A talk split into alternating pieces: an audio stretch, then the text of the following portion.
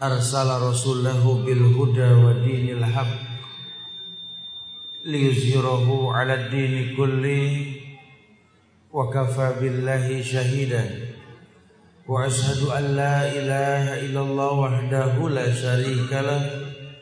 Wa ashhadu anna muhammadan 'abduhu wa rasuluhu يا أيها الذين آمنوا اتقوا الله حق تقاته ولا تموتن إلا وأنتم مسلمون.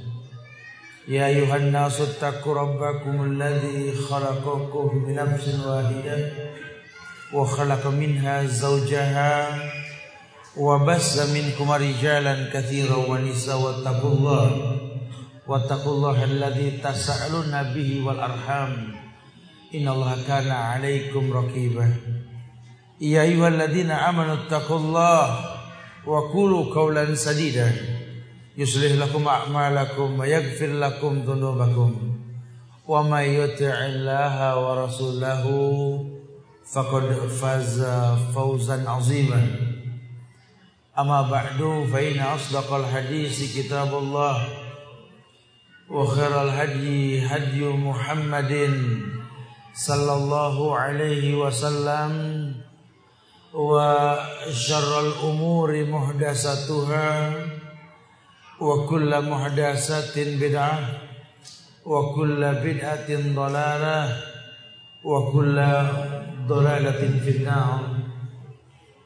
Ma'asyiral muslimin wal muslimat sidang majlis yang Allah muliakan dunia dan akhirat alhamdulillah izin Allah kita dimudahkan oleh Allah untuk bisa memanfaatkan waktu luang kita di siang hari ini dalam rangka menuntut ilmu syar'i berkaitan tentang fikih wakil yakni hukum dan adab dalam sosial media.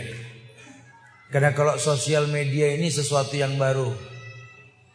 Dulu zaman Rasul ya tidak ada. Zaman sahabat pun tidak ada. Tapi jangan dikatakan bid'ah secara agama. Karena ini berkaitan tentang teknologi. Yang tentu sosial media ini merupakan ilmu pengetahuan yang Allah titipkan kepada manusia agar bermanfaat. La ayatin liqaumin yatafakkarun Paling tidak tanda-tanda kemuliaan dan kebaikan buat orang yang mau berpikir. Karena dengan ada sosial media ini kita merasakan banyak kemuliaan. Paling tidak bentuk kemudahan-kemudahan dalam agama. Kita mudah untuk bisa bersosialisasi walaupun tidak bertatap wajah. Mengurangi biaya pembuatan-pembuatan sesuatu untuk dibagikan sekarang kita mau bicara kitab apa pun, tidak perlu beli kitab, kita bisa ngedownload kitab kok. Kita tidak mampu beli CD, kita tidak mampu beli kaset. Demi Allah, ini di sosial media disebar. Cuma ada juga orang yang kebablasan. Kadang-kadang sosial media malah menimbulkan kemudorotan yang lebih besar manfaatnya lebih sedikit ketimbang mudaratnya. Padahal kalau orang yang berilmu, masya Allah. Makanya memang orang kalau mau bicara sosial media, kita bicara akhlak. Ya kalau orang yang berakhlak tahulah. Yang namanya pengetahuan merupakan alat bantu untuk mendatangkan kemaslahatan. Contoh saja. Itu nuklir. Kalau di tangan orang yang beriman, bisa menjadi alat bantu fermentasi loh. Cair menjadi tepung. Tapi kalau di tangan orang yang nggak beriman, bahkan Hiroshima dan Nagasaki pun bisa hancur. Gitu. Makanya memang kita bicara akhlak ini. Nah kalau sudah bicara akhlak, apa pun nanti yang terjadi di waktu yang akan datang, kita tidak terlalu khawatir. Karena bergulirnya waktu, bergembangnya masa, akan banyak kebaikan-kebaikan dalam agama yang pada akhirnya merupakan kemudahan yang Allah berikan. Dulu bicara bicara pengetahuan tidak seperti sekarang. Orang pengen bertanya satu hadis, enam bulan jalan nyari orang soleh. Sudah. Orang mau mendalami sebuah bab itu bisa hijrah ke sebuah negeri meninggalkan anak istri. Kalau sekarang kayaknya tidak perlu seperti itulah. Artinya banyak kemudahan yang Allah berikan. Jamaah yang Allah muliakan kalau bicara ahlak sesungguhnya jalan menuju kemuliaan ahlak itu banyak.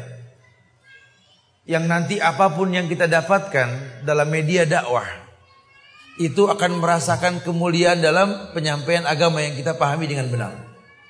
Kita bicara amar ma'ruf nahil mungkar. Mudah-mudahan dengan sosial media ini kita bisa memerintahkan yang baik, mencegah yang buruk.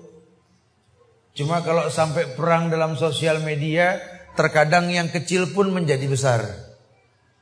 Antum kalau baca berita di BBM atau di WA atau apalah lain dan lain sebagainya. Ini kalau kondisi batin antum tidak tenang, bacaan yang santai pun seperti ancaman. Ada tulisan kiriman BBM dari teman yang punya masalah tadi pagi. Dia kirim BBM siang. Maksudnya mau tegur siapa lah. Supaya saya ues-ues lah gitu loh. Yang sudah ya sudah lah. Tulisannya kamu lagi apa gitu. Kan bagus. Jawabannya ada deh gitu ya. Cuma karena yang baca lagi emosi, kamu lagi apa? Hmm, kayak gara-gara jawabannya begitu. Memang tinggal teknik membacanya sih ya. Kayak ngadepin masalah, padahal bocorannya sama. La yukallifullahu nafsan illa wus'aha. Kalau orang yang kenal Allah ndak ngebahas ujiannya.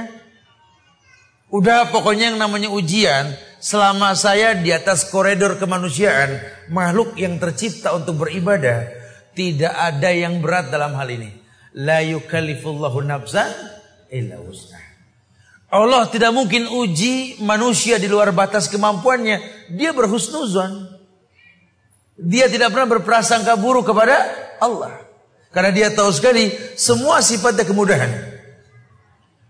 Makanya Rasulullah Shallallahu Alaihi Wasallam beliau menekankan sekali untuk memetik akhlak yang mulia dengan membaca doa yang disampaikan kepada masyarakat Allahumma inni a'udzubika min ilmin la yanfa wa min qalbin la yakhsha. Wa min nafsin la tasba. Wa min da'watin la yustajabu laha. Rawahu muslim. Ada doa Rasulullah sallallahu alaihi wasallam yang karena inilah Allah titipkan akhlak yang mulia. Karena kan bicara sosial media kita bicara ilmu. Ya kalau buat angkatan tahun 60-an ke sono mak bicara sosial media kadang-kadang nggak nyambung dah. Anak 80-an kemari, oh bicara sosial media jagoan dia. Kita orang tua cuma bisa beliin handphone yang jago sama anak, betul Ya kalau mereka berilmu tapi ilmunya nggak bermanfaat, ini dunia di tangan loh. Orang bikin dosa nggak perlu lagi cari tempat maksiat. Dari handphone pun dia bisa bermaksiat. Maka doa ini menjadi saran ulama sebagai mukodima bahasan. Allahumma inni a'udzubika min ilmin la yanfa. Karena ini bagian ilmu. Ya Allah, aku berlindung kepadamu dari ilmu yang tak bermanfaat. Karena boleh jadi aku jago komputer, aku nih hacker lah. Informasi kalau dari dia ngotak ngatik internet tuh luar kepala. Cuma kalau ilmunya nggak bermanfaat, yang dicari adalah ghibah, namimah. Malah pengen tahu tajassus. Pengen tahu aja urusan orang. Akhirnya timbulnya memata-matai orang lain. Kan nggak boleh. Ilmu yang tidak bermanfaat ini mendominasi perbuatan-perbuatan buruk dalam sosial media. Wa min qalbin la yakhsha suruh berlindung dari hati yang tidak pernah husu. Kenapa hatinya? Ya, hatinya tak pernah husu. Jadi bercabang. Inna fil jasadi mudghah idza saluhat saluhal jasadu kullu wa idza fasadat fasadal jasadu kullu ala wahiyal qalbu. Karena hati ini nggak main-main mendominasi loh. Kalau baik, baik semuanya dah. Kalau buruk, buruk semuanya. Itu di diri manusia ada segumpal darah tuh. Yang namanya hati. Dan kalau hati sudah tidak husu bercabang. Hati sudah tidak husu, hati bercabang. Ya tentu ilmu yang tidak bermanfaat berteman dengan hati yang tidak husu, apa juga pengen dilihat. Mana kadang-kadang kan internet sekarang ini kita buka apa yang keluar apa, betul. Wa ma ubarri'u nafsi inna nafsa la'amaratun bisu. Kalau bahasa Nabi Yusuf mah begitu. Ya beliau aja nggak munafik lah. Namanya manusia punya syahwat. Aku tidak merasa merasa suci. Ini syahwat menggiring aku pada maksiat. Apalagi kita yang bukan nabi. Ya anak sih alhamdulillah saat kalau masalah ngelihat mah enggak tat miring sebelah gitu. ya susah dah. Ya. Ini kemaksiatannya luas ya. Jangan diidentikan sama satu hal. Kadang-kadang kita pengen tahu aib orang lain yang orang tuh marah kalau ketahuan aibnya, kan? Itu kan, masya Allah, itu kan gibah. Antum ngomongin aib saudara antum dan memang betul dia memiliki aib, tapi dia tidak suka dibicarakan, itu kan gibah. Gibah itu sama dengan berzina dengan orang tua sendiri. Nggak berasa dosa yang kita rutinkan itu selevel dengan berzina sama orang tua. Ya, cuma gara-gara kenikmatan bicara di sosial media. Makanya memang hati ini perlu husuk. Wa min nafsin la tasba' dari jiwa yang tak pernah puas. Iya, hidupnya ndak kona'ah. Enggak syukur nikmat. Pengen mencoba sesuatu yang baik, sebenarnya baik. Cuma belum dibutuhkan. Akhirnya merusak yang ada. Udah anteng punya handphone, ndak perlu ada internetnya. Nggak ada masalah. Info kajian rutin kok. Kita kan masih level kajian sunnah pasca broadcast, betul? Kalau sama kajian bid'ah, kalau sama iklan rokok kajian kita betul? Rokok aja pakai baliho. Kajian bid'ah aja pakai baliho. Kita kajian sunnah pakai broadcast. Biru lagi tulisannya. Kesian yang udah kepala empat ke sono ini Masya Allah. Ya. Baca juga nggak yakin di mana ini kajian. Mau berilmu tapi bacanya susah. Gimana sih? Ya. Tadi saya sepintas bicara juga di rumah makan Sunda tadi. Saya sering ditanya loh, sama ahlul bidah. Ustadz, Ustadz, apa hukumnya kita makan berkat dari acara bid'ah Ustadz? Oh saya bilang itu halal. Hukum asal makanan itu halal. Antum lihat aja berkat besek tersebut kalau dibuka paketnya apa? Kalau nasi cetak ayam goreng, buncis kuning, bihun, belado kentang, pisang ambon satu sama keripik udang. Makan. Kecuali kalau dibuka berkat ada pepes guguk, jangan dimakan. Haram. Cuma yang nanya ke saya ini selamanya ikhwan yang dapat besek dari perbuatan bid'ah. Tidak pernah ahlul bid'ah tanya ke ana. Ustaz, apa hukumnya kami ahlul bid'ah dapat berkat dari abis kajian sunnah? Tidak pernah. Itu kalahnya kita itu.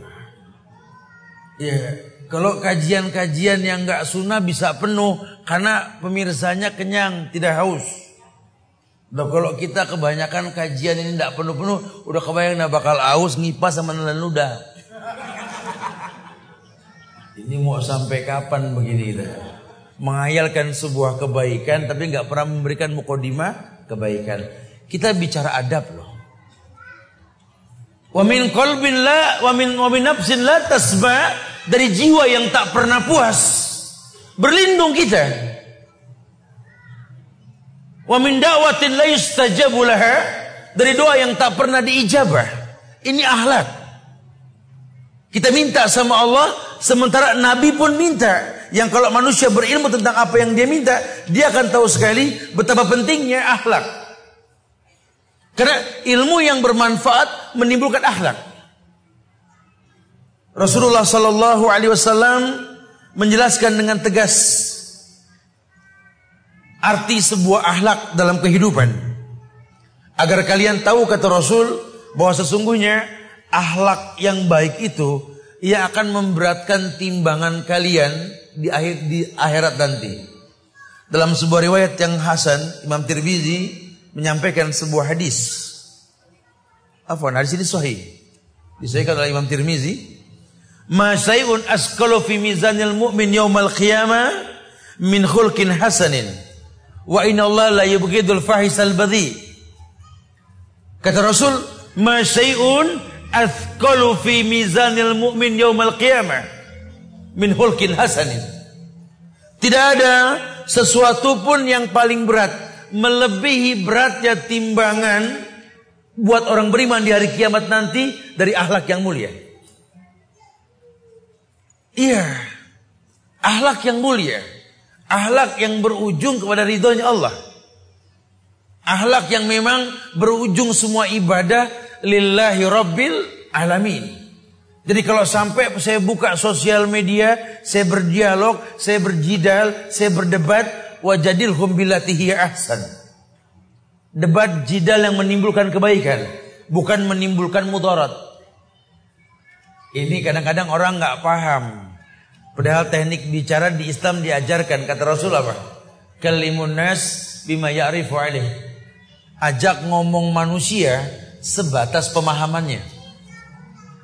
Kita kalau ngomong sama orang lihat dulu yang diajak ngomong siapa. Supaya nanti orang yang diajak ngomong ini standarnya ungzur maqala wala tanzur man qala. Suruh lihat apa yang disampaikan, jangan lihat siapa yang menyampaikan. Nah kalau orang yang ilmiah kan begitu. Dia nggak peduli siapa yang menyampaikan, yang penting apa yang disampaikan. Tapi kalau orang yang belum berilmu, belum dewasa, kadang-kadang yang dia lihat siapa yang ngomong. Ya yang ngomong sih si dia fulan. Cuma yang diomongin kan Quran, hadisnya juga jelas sahih, footnote-nya juga ada. Tetap kalau dia yang ngomong nggak ada begitu. Itu salah. Karena nggak berilmu, makanya Rasul perintahkan kita untuk melihat siapa orang yang kita ajak bicara, bagaimana cara berbicara sama dia. Karena nanti ada kemuliaan berkaitan dengan mulut yang menyampaikan sebuah kalimat. Orang yang beriman tahu mayalfizu min qaulin illa ladaihi raqibun atid. Tidak keluar dari mulut seorang beriman ini kecuali kalimat yang malaikat atrokib dan atid menjadi saksi. Bukan cuma sekedar puas ngomong. Deh, anda udah puas ngomong tat deh. Halo, kalau nggak diomongin saat haru gitu ya. Kayaknya bebas sudah ngomong. Deh, udah anda sampein semua tat puas deh. Aduh, ente puas, no orangnya no deg-degan. Gara-gara ente ngomong dia jadi was-was. Anda ndak ukur sih bahasa Anda kepada orang tersebut. Harusnya ukur dulu dia berbuat salah taklid atau memang dia pelaku. Kalau dia taklid ya ntar dulu ya ajak dia dengan bahasa yang gampang. Kecuali kalau dia pelaku. Harus paham. Ini ada usul, ada furu. Mau bicara akidah, mau bicara fikih. Ada yang namanya usul, ada yang namanya furu. Akidah juga ada furu'nya. Usulnya juga ada. Fikih juga sama. Gitu Sehingga kalau nanti kita bicara furu, ini sudah khilaf. Harus lihat ke siapa kita khilafnya. Tapi kalau sudah bicara usul, maka tidak ada khilaf dalam agama. Antum bicara tahiyat, at-tahiyat. Yusiru bis sababah. Berisyarat dengan telunjuk. Tidak ada khilaf. Yang ada khilafnya apa? Yuharrik. Menggetarkan atau mengangkatnya ketika at-tahiyat atau asyhadu. Di situ furu'iyah. Antum jangan lantas memandang sebelah mata orang yang berbeda. Kalau anak sih tat at-tahiyat. Nanti negara ini kita Ya, dalilnya ada stat gini gini gini gini bagus. Ini ada yang enggak tat. Udah gitu tempatnya enggak pas lagi tat. Anak bilangin dia enggak mau nurut tat. Anak sampein dengan bahasa dalil malah ngambek Ustaz.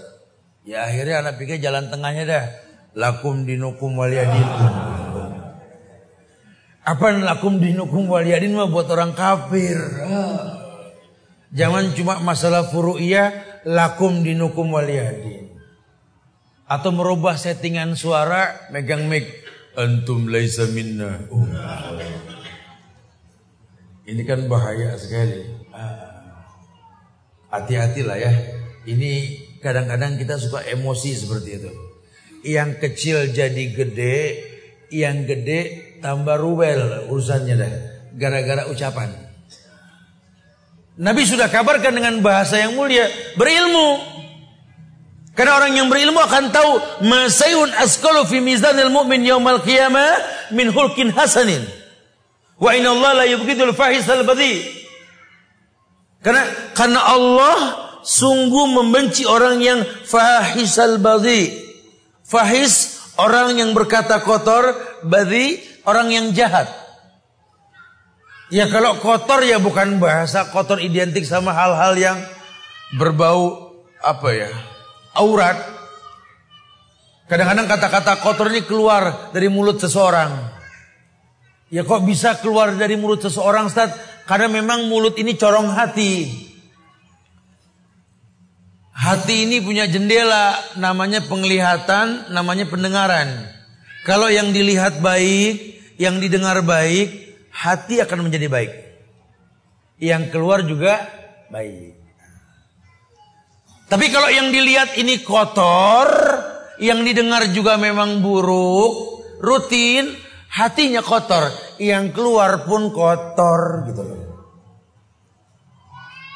Tapi kalau hatinya yang kotor karena takdir tinggal di sebuah tempat yang memang tidak layak untuk tinggal, cuma takdir bikin dia tinggal di sana. Asalkan yang dilihat baik, yang didengar baik, maka yang keluar pun baik. Gitu. Iya. Ingat nasihat Al-Alama Ibnu Qayyim Al-Jauziyah. Ketika beliau katakan bahwa sebenarnya hati manusia ini baik. Cuma rutinitas yang dilakukan mendatangkan keburukan. Jadilah rutinitas sebuah bentuk racun yang mematikan. Apa racun hati? Rutinitas. Banyak ngomong. Itu racun hati. Terus kita diem aja Ustaz. Saya mulai besok pengen naik angkot diem aja di belakang Ustaz. Urusannya PP, nggak nyampe-nyampe urusannya. Supir angkot nanya, turun di mana? Diem aja. Hei, turun di mana? Diem. Anda terpaksa ngomong dibentak, tak turun di mana? Di mana kek? Ya ndak sampai lah. Ya kita harus ngomong. Cuma ngomong yang bikin keras hati itu yang seperti apa? Yang Nabi katakan bahwa la tuksirul kalam bi ghairi zikrillah. Inna kasratal kalam bi ghairi zikrillah al qalbul qasi. Qaswatun lil qabi. Wa inna abadan nas inna Allah al qalbul qasi. Jangan kalian banyak bicara, jangan. Banyak bicara tanpa zikir di dalamnya. Itu menyebabkan koswatun lil kolbi. Keras hatimu. Kalau hatimu sudah keras. Ab'adan nas. Indallah al-qalbul qasi. Orang yang paling jauh dari Allah adalah orang yang paling keras hatinya. Banyak kalam. Kita banyak ngomong. Oh kalau udah ngobrol Zat Apalagi kita modalin kopi sama teh, udah dah, udah dah. Kayaknya nggak ada kerjaan lain kecuali ngomong kan. Padahal kita ngomong boleh. Ini kita kajian ngomong boleh. Asal yang diomongin tuh kalau Allah wa qala Rasul wa qala sahabat, tahmid, tahlil, istighfar, ujung-ujungnya Rabbana taqabbal minna, ujung-ujungnya doa salamun alaikum, semoga selamat buat kalian. Subhanallah. Betapa indahnya agama. Cuma kalau omongan ini cuma obrolan yang nggak berbobot, ya sosial media bisa bikin keras hati loh. Kadang-kadang yang kita omongin tuh orang yang kita omongin, kita nggak tahu kondisinya, cuma jadi orang-orang yang itiba saja gitu loh.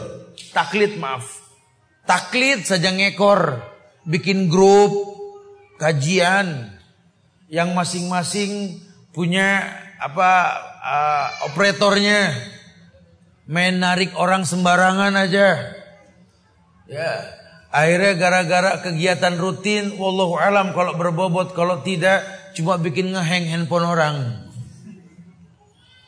Kami sering jadi korban. Giliran urusan yang penting lama di handphone ya Allah mikirnya. Ya, betul-betul lemot di handphone karena isinya semua broadcast. Ya sebenarnya sih boleh-boleh aja ya. Tapi lebih baik jangan banyak-banyak dah kelompok. Eh, kayak model masjid. Kadang-kadang sosial media dibikin kayak masjid. Sunnah mendakwakan sebuah masjid. Gagal dakwah ngambek ngumpulin dana bikin masjid. Ini akhirnya satu RT bisa 15 masjid urusannya kalau kayak begitu. Masuk kelompok sosial media pendapat, ide, opininya tidak diterima, ngumpulin orang, bikin sosmed sendiri. Akhirnya berjamuran sosial media yang ujung-ujungnya debat kusir. Karena tidak semua ustadz nimbrung. Yang dibilang ustadz yang paling sering ngirim broadcast. Fasu'ilu fa'uftau bi ghairi ilmin. Akhirnya banyak ditanya, jawab. Jawabnya juga nanya dulu, ada broadcastan nggak? Gitu ya. Karena rutin dia kirim, akhirnya jadi ustadz di sosial media. Ini kan bahaya. Oh bahaya. Beda. Antum gede di majlis ulama sama gede di YouTube ya beda. Antum dekat sama syekh yang jelas siapa? Si Abdul Razak bin Abdul Muhsin Al-Abbad, si Abdul Muhsin ayahnya, si Ibrahim dan lain sebagainya banyak di Madinah. Antum akrab sama mereka-mereka orang bagus. Tapi kalau media yang antum jadikan syekh, syekh Google gitu ya. Ustadz YouTube gitu ya. Ini hati-hati. Ya. Memang kemudahan. Kita nggak repot-repot lagi tanya sama orang. Tanya sama Ustadz Google dijawab langsung.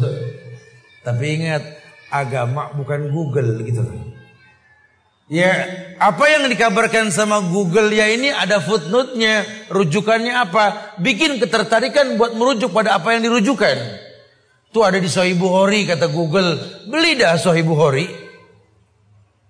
Bukan terus jadi isnad, jadi sanad. Besok ceramah. Itu ada di Imam kitab Imam Bukhari. Uh, Rawahu Google. Gitu kan. Ini terjadi bukan tidak ya. Antum dalam bersosialisasi itu perlu ada tatap wajah. Karena kalau bicara kabar dakwah itu ada interaksi. Sering dicontohkan itu dialog Ibrahim sama Ismail anaknya. Sampai kabar tentang penyembelihan sekalipun yang kita nggak bakal sanggup dan ngomong sama anak, Ibrahim pun kabarkan karena Allah perintahkan. Ya bunayya Inni aro fil manam anni. Itu interaksi dua manusia itu. Eh anakku, ini sesungguhnya aku, you know lah siapa ayah gitu ya. Ayahmu. Ini aku ini aro fil manam. Ro'a yaro melihat fil manam tidur. Sesungguhnya aku ini tahu kan ayahmu ini melihat dalam keadaan tidur. Dia tahu ayahnya memang nabi, rasul. Yang mimpinya itu ru'yatul manam, bukan haluma. Bukan kembang tidur, wahyu. Ani sesungguhnya aku adbahuka menyembelih kamu. Fangzur mada taro. Fangzur nazoro. Coba lihat, fangzur. Langsung tatap wajah ayahmu. Mada taro. Apa yang kau lihat, apa yang kau simpulkan. Apa jawab si anak karena melihat ekspresi wajah si ayah? Ya abat tif'al ma tu'mar. Wahai ayahku, if'al ma tu'mar. Wahai ayahku, lakukan yang diperintah. Satajiduni insyaallah minas sabirin. Karena memang itu perintah, kau akan temukan aku, kau tahulah siapa aku, anakmu. Minas sabirin, tergolong orang yang sabar. Kenapa mesti sabar? Beriman. Ya ayyuhalladzina amanu sabiru wasabir warabitu wattaqullah la'allakum tuflihun. Orang yang beriman, orang yang sabar. Satajiduni insyaallah minas sabirin. Kau akan melihat, kau akan bertemu, menemukan anakmu. Satajiduni wajada. Kau akan menemui anakmu ini minas sabirin tergolong orang yang sabar. Karena tahu ini ujian berat. Tapi kan yang kita garis bawahi apa? Interaktif. Lah kalau sekarang nggak interaktif, kita bicara di sosial media, berdebat, kita nggak ngeliat ekspresi orang yang diajak berdebat, ya nggak bisa dong. Kali aja emang nih orang nggak bener, atau sengaja ngelempar poin yang nggak penting, karena kan kita bisa lihat orang yang ilmiah dengan yang main-main. Kadang-kadang lempar bola sembunyi tangan gitu loh. Lempar batu sembunyi tangan.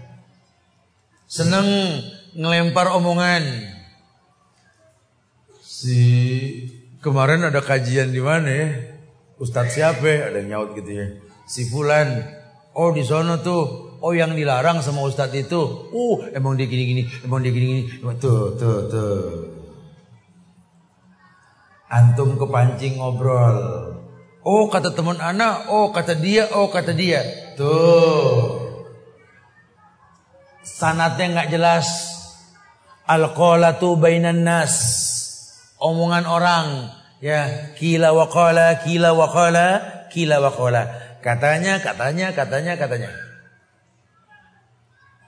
Akhirnya karena yang didengar buruk, yang dilihat buruk, yang keluar ya buruk. Kita nggak melihat ekspresi. Sementara dalam dakwah itu ada interaktif. Kayak begini kita ngebahas enak. Kelihatan nih muka-muka yang serius. Sama muka-muka yang memang udah capek kelihatan lah. Ada interaktif. Sehingga bahasannya nggak menegangkan. Saya suka bicara sama teman-teman dai yang baru-baru. Antum harus lihat kondisi jamaah. Jangan antum paksakan buku yang antum baca supaya mereka paham. Lihat kondisi mereka. Bicara pagi, siang, sore beda. Kalau bicara pagi kita bicara penyemangat. Mukodima yang isinya jihad. Oleh karena itu maka kita harus seandainya kita begini-begini maka kita akan begini. Semangat orang. Kalau bicara siang orang udah mulai rileks, santai. Ya bicaranya pun yang asik, interaktif obrolan. Nah kalau bicara malam, kita bicara kabar yang membuat mereka bahagia. Ini orang udah capek, diajak kajian malam. Ustadz malah ngomongnya suruh mikir mulu. Coba kalian bayangkan. Jam 8 tak suruh bayangin apa lagi sih ya Allah. Gitu. Sehingga akhirnya nggak connect gitu ya. Sama sosial media juga sama. Saya suka baca-baca teman yang suka berdebat karena nama saya suka ditarik ke beberapa sosmed. Cuma saya tidak mau komentar lah. Saya harus sadar saya laki-laki yang daya cetak huruf dan kalimat saya terbatas lah gitu. Dan saya pernah bilang orang laki itu satu hari itu maksimal 10 ribu kata. Maksimal. Lain sama orang perempuan minimal 20 ribu kata. Ya kalau yang banyak nanya orang perempuan, Orang laki jawabnya kan cuma tiga huruf. O K E I Y A gitu. Sudah oke okay, oke okay, iya gitu. Ustaz, kalau seandainya kita gini-gini, menurut antum gimana Ustaz? Ada waris yang baik gini, gini gini gini gini, panjang ya Allah banyak amat ya.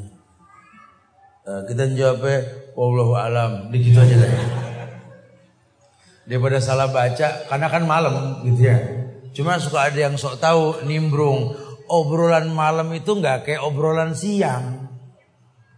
Ya kita nggak tahu kondisi itu orang. Mungkin dia baru bangun tidur, masih semangat ngomong. Lah kita belum tidur, ya nggak ketemu.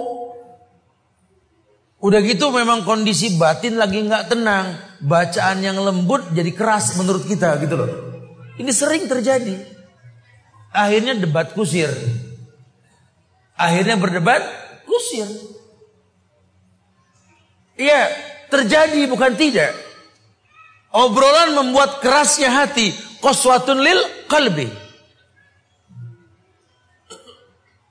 Iya, racun hatinya begitu Belum lagi obrolan-obrolan yang kadang-kadang nggak berasa.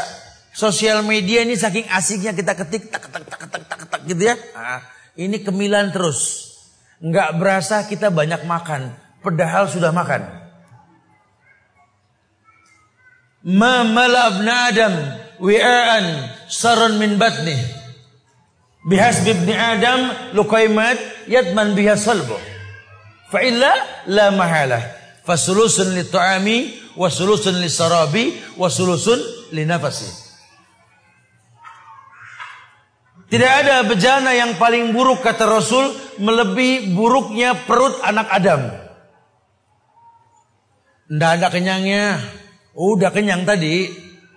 Cuma karena keasikan kita ketik kita ketik kita ketik kita ketik nggak berasa. nggak berasa tuh. Ya. Akhirnya banyak makan. Orang kalau udah banyak makan, apalagi bukan tujuan menegakkan tulang ekor, maka yang ada adalah ilmu hilang. Makanya kata Rasul, uh, yakni lukoimat yatman biha solbo. Padahal manusia anak Adam kalau dia mau makan makan sekedar saja buat menegakkan tulang ekor. Emang antum perhatiin tidak orang kalau belum makan jalannya nunduk. Ya.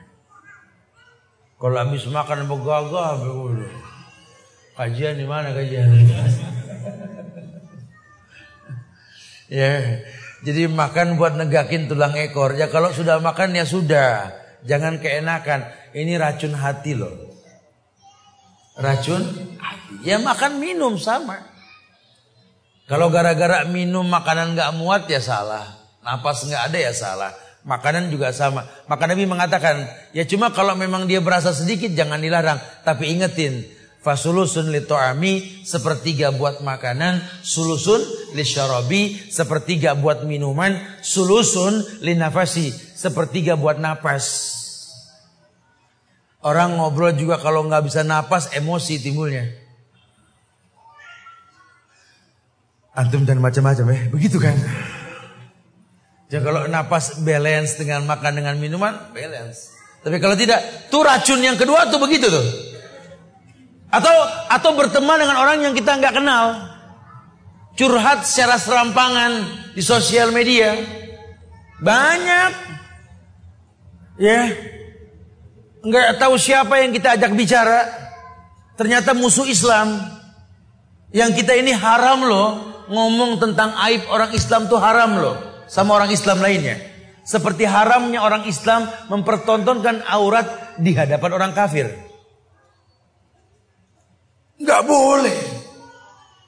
Antum mau ngomongin keburukan saudara antum, antum berdosa.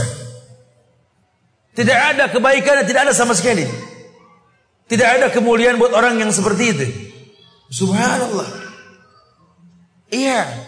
Mereka orang yang akhirnya berprasangka buruk kepada Allah. Berteman dengan yang tidak jelas.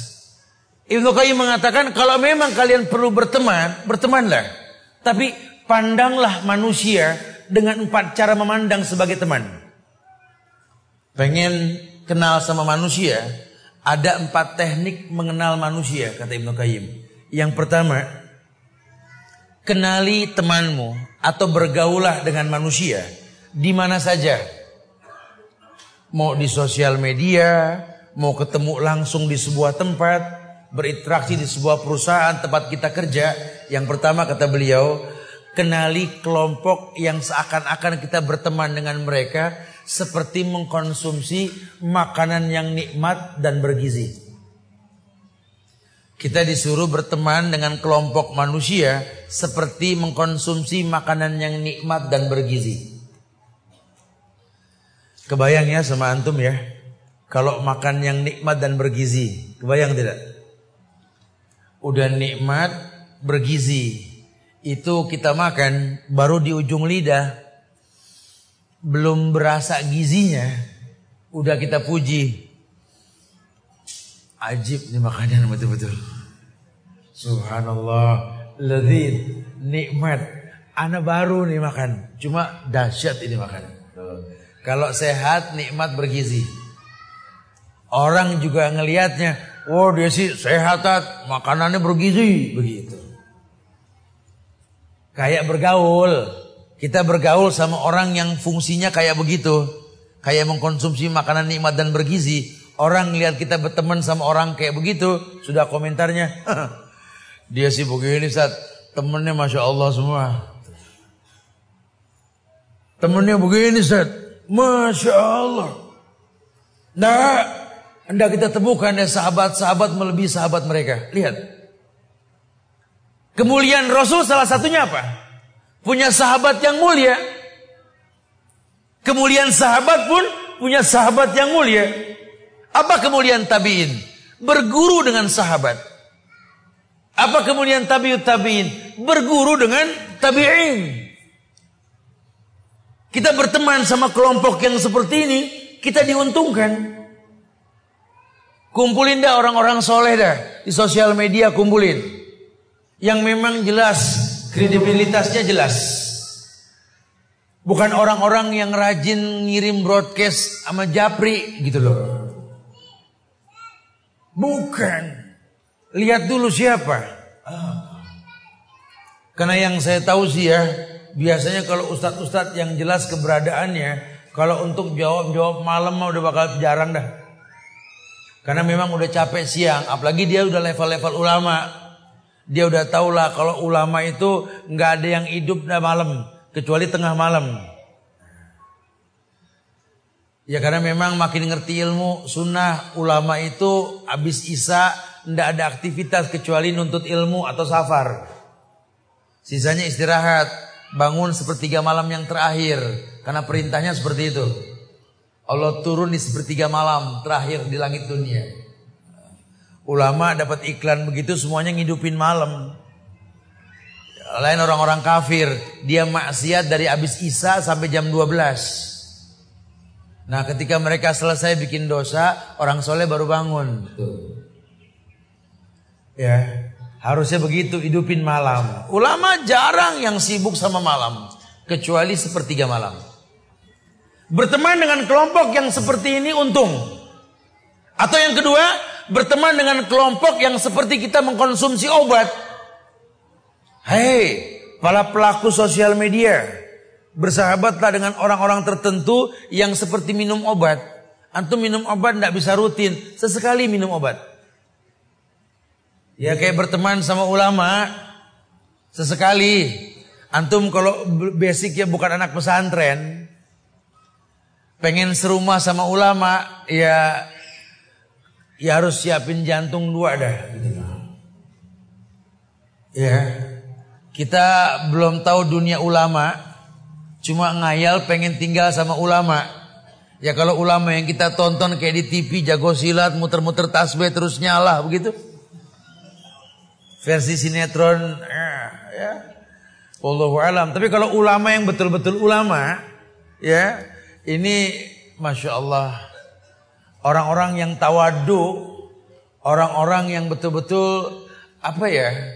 Ya juhud bukan jumud, juhud bukan jumud. Jumud lawan juhud.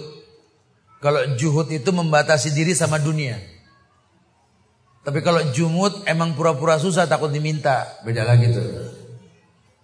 Ya, ulama yang berilmu. Ma, belum tentu sanggup.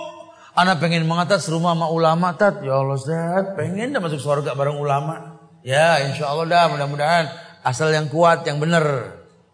Karena kalau udah serumah sama ulama nggak betah, pengen ngayal berumah sama yang bukan ulama itu bahaya nanti malahan.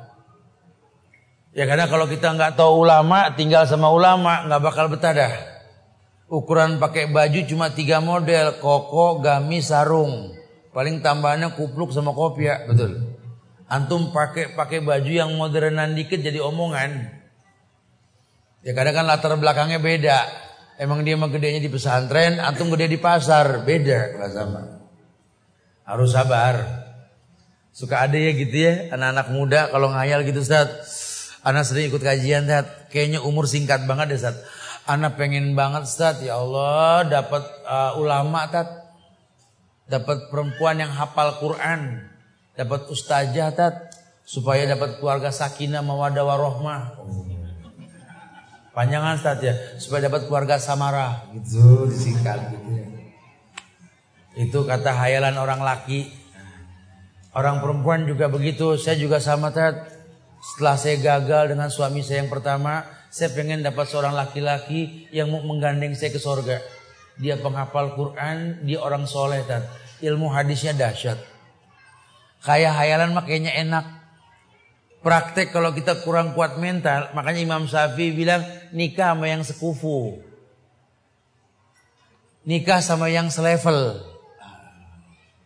Ini orang laki belajar agama enggak, ngedalamin kajian juga enggak, ngayal punya istri ustazah, apal Quran, apal hadis. Nikah baru tiga bulan, di pojokan diem aja. Lu kenapa diem? Ya Allah Ustaz. Kirain si partner hidup Ustaz. Ternyata hakim dalam hidup Ustaz. Waktu dulu belum nikah, anak ngaji biar terseok-seok sama ngaji tat. Sekarang anak boro-boro demen ngaji tat. Kenapa? Bini tat nyalain mulu. Anak ngaji udah pelan-pelan, keren dia nggak denger tat. Tata japa. Kata bini, eh itu ada alif. Tata Java. Iya, Tata Java. Sering digituin kan kesel juga, betul Ustaz. Akhirnya saya ngaji kenceng kalau nggak ada dia, kalau dia lewat saya pelanin dan. Nggak ada dia mah Tata Java junubuhum. Dia lewat.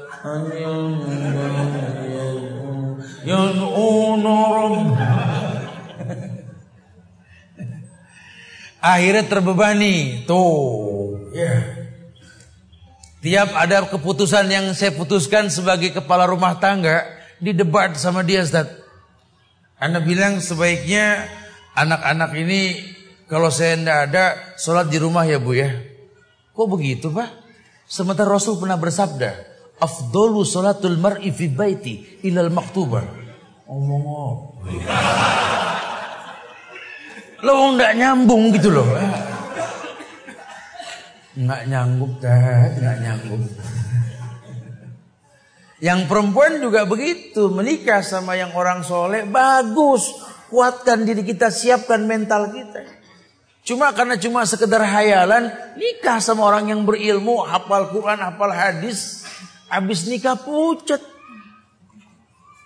Ibu pucat amat bu, mabuk, sakit. Enggak Tat, kan udah nikah. Orang soleh lagi. Iya sih Tat, cuma ya Allah Tat nggak nyangka Tat. Tiap malam dibangunin suruh tahajud Tat. Mana subuh setoran apalan mulu lagi. Imannya cakep Tat, puasanya Daud. Tiap dua hari sekali saya suruh ngulek jam 2 Tat. Masya Allah. Karena memang nggak siap mentalnya berat. Saya tidak bisa bergaul, saya tidak bisa ini, bisa itu. Udah dibilang, makanya orang kalau baru melangkah boleh bermazhab. Ikutin ulama, walaupun ujungnya agama bukan mazhab gitu loh. Supaya rasa ringan nih dalam beragama. Jangan pengen ngelongkap. Bukan berarti mengharamkan yang dihalalkan, bukan. Cuma memending waktu saja.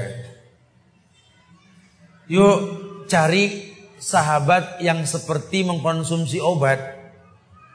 Kayak berteman sama ulama. Ya boleh tinggal sama ulama. Tapi kalau bakal nanti merusak diri kita, jangan dipaksakan. Sesekali saja berteman sama ulama tuh enak. Sesekali enak. Kita kalau ngobrol sama ulama, solusi jelas. Tapi kalau kita ngobrol sama yang bukan ulama, capek. Gede-gedean masalah. Betul? Ulama mah enak diajak ngobrol gini Ustaz. Ana di Indonesia dibilang telah berbuat sebuah keburukan. Apa? Ana berbuat gini gini gini. Kata segelintir orang nih ana gini gini karena ustaznya bilang gini gini. La ya akhi. Innamal a'malu niat. Apalagi kalau antum tahu kebenaran yang antum lakukan, ada ayat yang mengatakan kul rabbiyallah sumastaqim. Bu bahasa ulama. Asalkan yang kau lakukan betul, tidak melanggar syariat, katakan Robku Allah istiqomah. Jangan gampang goyang. Jangan khawatir furu'iyah itu biasa hilaf. Selama nggak usul yang hilaf, jalan terus. Antum disuruh kajian di majelis kajian. Tapi kalau ada kesempatan kajian di alam juga kajian. Kata Ustadz Ono ndak boleh Ustadz. Itu kan pendapat. Betul. Karena mungkin memang dia nggak hobi piknik gitu Ya kalau buat yang tahu di luar sana ada media buat berdakwah, lakukan. Fastabikul khairat. Kalau perlu kita bikin paket liburan syar'i, kalau perlu kita bikin. Biar ini dakwah nih go to Bali-nya dahsyat gitu loh. Kita tawarkan paket-paket liburan tiga hari full dakwah syari di Bali. Tawarkan biar manusia melihat pulau yang dianggap banyak keburukannya ternyata ah, kasusnya hampir mirip dengan negeri Arab. Allah turunkan Islam di tengah-tengah masyarakat yang di rumahnya semua punya patung, betul? Di Bali pun sama. Nyaris setiap rumah ada patungnya. Tapi jumlah sholat subuh terbanyak di Indonesia ya di Baitul Makmur betul. Adanya di mana? Bali. Pulau yang bisa mengaji di mana? Bali. Pulau lain belum tentu. Ya kabarkan pada dunia bahwa kita punya kemauan buat maju, boleh. Bersahabat sama ulama enak, jelas. Kalau cuma orang yang diulamakan berat urusannya. Atau yang ketiga kita berteman dengan kelompok yang memang menimbulkan penyakit. Ya memang sih setiap interaksi pasti menimbulkan akibat. Kita berteman sama siapa juga pasti ada efeknya dong. Ya. Ya kita berilmu dah masalah kayak begitu. Saya sampaikan kemarin di beberapa kajian bahwa yang perlu diperhatikan itu bukan ujiannya, tapi efek ujiannya. Antum jangan komplain kalau punya orang tua yang nggak sepaham. Selama memang antum diuji sama orang tua, membuat antum senang mendalami agama, bersyukurlah. Orang tua ndak usah kecewa diuji sama anak yang bikin pegel mata, pegel hati. Karena dibikin pegal sama anak, akhirnya nangis setiap malam doain dia. Ah, lihat efek ujiannya. Kita jangan mengeluh dengan pindah ke sebuah komplek yang tetangganya nggak ada yang benar. Sehingga saya tiap hari ngeliat tetangga istighfar. Tat. Bagus. Pertahankan itu rumah jangan dijual, begitu ya. Karena kalau nggak di sini anda tidak istighfar, betul. Lihat efek ujiannya, lihat. Emang anak kerja di Bali sana Ustaz ya nggak sesuai penghasilannya Ustaz. Tapi jujur Ustaz, anak nggak lepas dari kajian Ustaz. Nah, selama hasilnya ini ya walaupun tidak berlebihan tapi mencukupi yang dibutuhkan, ya maksimalkanlah. Artinya dunia akhirat antum dapat. Betul? Bayangkan dahsyat, dia berilmu bahwa memang dia berinteraksi pasti menimbulkan keburukan ima penyakit atau apalah. Atau dia melihat kalau dia bergaul dengan satu kelompok yang resikonya apa? Ini mematikan ini. Kelompok yang mematikan. Itu seperti sosial media. Ya kayak orang uh, ngelihat iklan tentang Hizbullah di Palestina. Kan artinya Hizbullah ini kan Masya Allah. Ya kelompok yang betul-betul mendukung jalan Allah. Jundullah ini. Tentara-tentara Allah gitu loh. Tapi kenyataan di dalamnya. Nah. Sama dengan nama-nama yang ditonjolkan. Sekarang nama jadi casing. Antum ndak penasaran pengen tahu siapa pemilik nama tersebut. Orangnya siapa saja. Karena kita tinggal di negeri yang antum lihat sendirilah. Ya, ini para penghafal Quran berujung kepada menghalalkan bom bunuh diri. Antum tinggal di sebuah negeri yang mencaci maki dikatakan jihad. Antum tinggal di sebuah negeri yang demi Allah jihad yang Nabi tidak pernah ajarkan di sini berkembang bak jamur di musim hujan. Entah Allah letakkan penutup pada hatinya atau tidak wallahu alam. Dia tahu dirwatus sanamihi al jihadu fis sabilillah. Ini puncaknya agama jihad. Dia tahu puncaknya agama jihad. Cuma yang terjadi lihat. Lihat yang terjadi. Jihad secara serampangan. Menghayalkan sebuah negeri dengan cara membantai bangsa di sebuah negeri. Menawarkan janji indah ketentraman sebuah bangsa dengan cara menakut-nakuti anak bangsa di sebuah negeri. Hayalan semua yang ditawarkan. Kalian lupa wahai para teroris, bertobatlah. Hal jazaul ihsan ilal ihsan. Bukankah balasan kebaikan datang dengan cara yang baik? Tidak akan pernah datang sebuah kebaikan dengan cara yang Allah murkai. Kalau Tuhan kami Allah At-Tayyib, Innallaha Tayyib, la yaqbalu ila tayyiban. Allah Tayyib, cuma nerima yang tayyib. Membantai bukan tayyib. Menakut-nakuti bukan tayyib menimbulkan was-was di hati manusia perbuatan setan al waswas minasyaitan sebelum kalian dipanggil setan tobat. Tidak ada kebaikan yang kalian lakukan. Mumpung hayat masih dikandung badan. Mumpung kesempatan berbuat baik masih banyak. Yuk hijrah. Yuk bertobat penuhi majelis, buat sosial media untuk berdialog. Mungkin kalau wajah Anda tampak, Anda malu, ketahukan, ketakutan, diintimidasi, bertanya di sosial media yang jelas, boleh. Ada kok blog-blog yang asik buat diajak dialog. Nah, kita jangan hiporia. Jangan malah canda tawa sampai tengah malam. Kadang-kadang cekakak cekikik di sosial media sampai tengah malam. Emot-emot, simbol-simbol yang kadang-kadang membuat mata tegar kembali. Teknik-teknik ketawa yang menandakan sesuatu. Ini bahaya loh. Ini berbahaya. Kalau sudah terlanjur bagaimana Ustaz? Ini yang kami rasakan memang. Kami banyak bicara, kami banyak menulis, yang tidak ada zikir, yang ada pakai zon perkiraan. Inna ba'da zonni ismun. Setelah prasangka itu yang ada keburukan. Inna ba'da zonni ismun. Kalau prasangka yang dikedepankan setelah prasangka kata Rasulullah adalah dosa. Ada ayat yang mengatakan dalam sebuah ayat yang memang Allah firmankan Al-Hujurat ayat 12. Ya ayyuhalladzina amanu jtanibu katsiran minadh-dhanni inna ba'da dhanni ism. Wala tajassasu wala yaghtab ba'dukum ba'dha. Ayuhibbu ahadukum ayyakula lahma akhihi mayitan fakarihtumuhu. Wattaqullaha innallaha tawwabur rahim. Ini kan ayatnya jelas ya. Cuma memang ini ayat buat orang beriman. Jadi kita juga jangan menyimpulkan dulu. Ini orang-orang beriman juga kacau tat.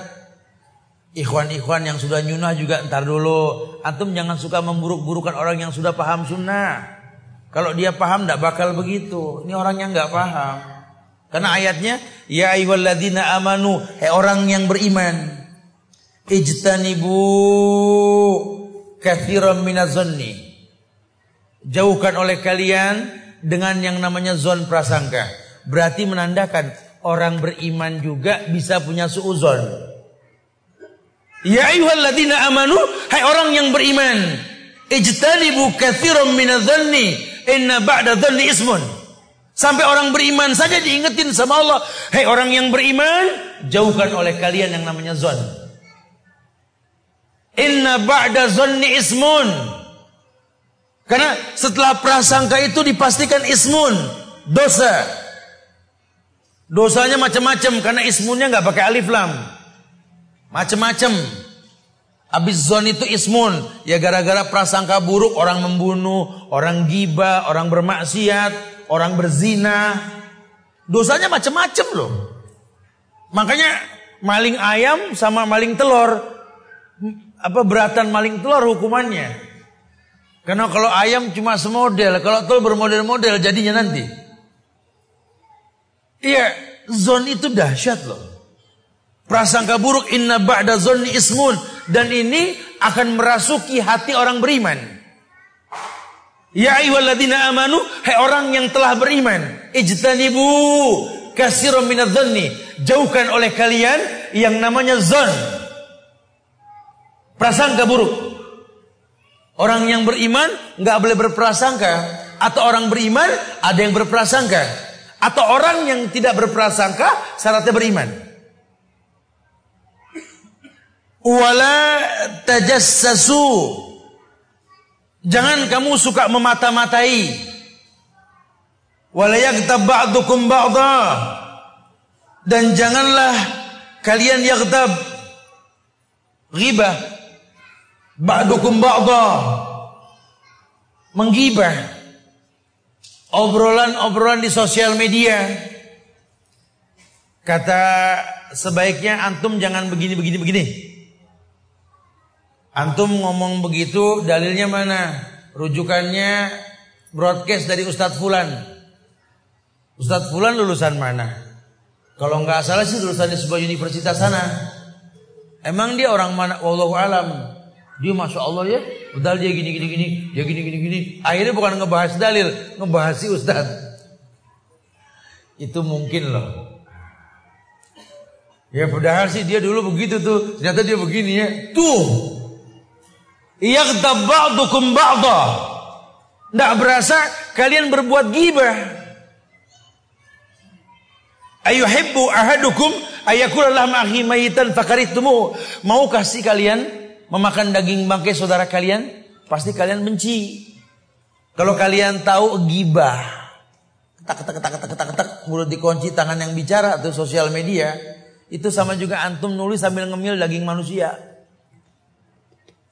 Jari, mata, kuping, fakari itu antum pasti benci. Karena nggak akan pernah ada orang berani makan begitu. Fakari itu. Wattaqullah. Bertakwalah kepada Allah. Nah, ini solusinya nih. Wattaqullah. Bertakwalah kepada Allah. Inna Allah tawabur rahim. Inna Allah sesungguhnya Allah tawabur rahim. Sesungguhnya Allah maha penerima tobat. Allah maha kasih. Tidak ada inna Allah tawabur rahman. Tidak ada. Tawabur rahim. Rahim itu akhir. Isim mustaq. Diambil dari kalimat Rahman. Suruh wattaqullah, bertakwalah kepada Allah. Di dalamnya itu suruh bertobat. Makanya ada lima formula menghilangkan racun hati supaya sosial media kita ini nggak bablas. Yang pertama formulanya kita disuruh banyak berzikir dan baca Quran. Mulai dah pelajari dah. Ini jangan-jangan kita nggak pernah istighfar ini. Baca sesuatu yang menakjubkan, tidak ada tasbih. Harusnya kan kalau lihat iklan, subhanallah, subhanallah. Tanya di sosial media, ini kabarnya sikoh tidak ini? Hujah dalilnya apa? Karena anak baru dengar nih, masya Allah ya. Ketika dikasih takdir, dikasih, eh, ketika dijelaskan, ya, ketika dijelaskan ini gini gini gini gini gini, dalilnya gini gini, Allahu Akbar, Allahu Akbar, Allahu Akbar. Takjub, emosi naik. Kalau yang namanya naik takbir, turun tasbih. Subhanallah. Betul-betul ya. Setelah kita emosi takbir, tenang, subhanallah. Tuh, zikir. Ini kayaknya masalah yang terjadi ini zaman Rasul pernah ada dah. Ayat juga udah bilang di Quran itu.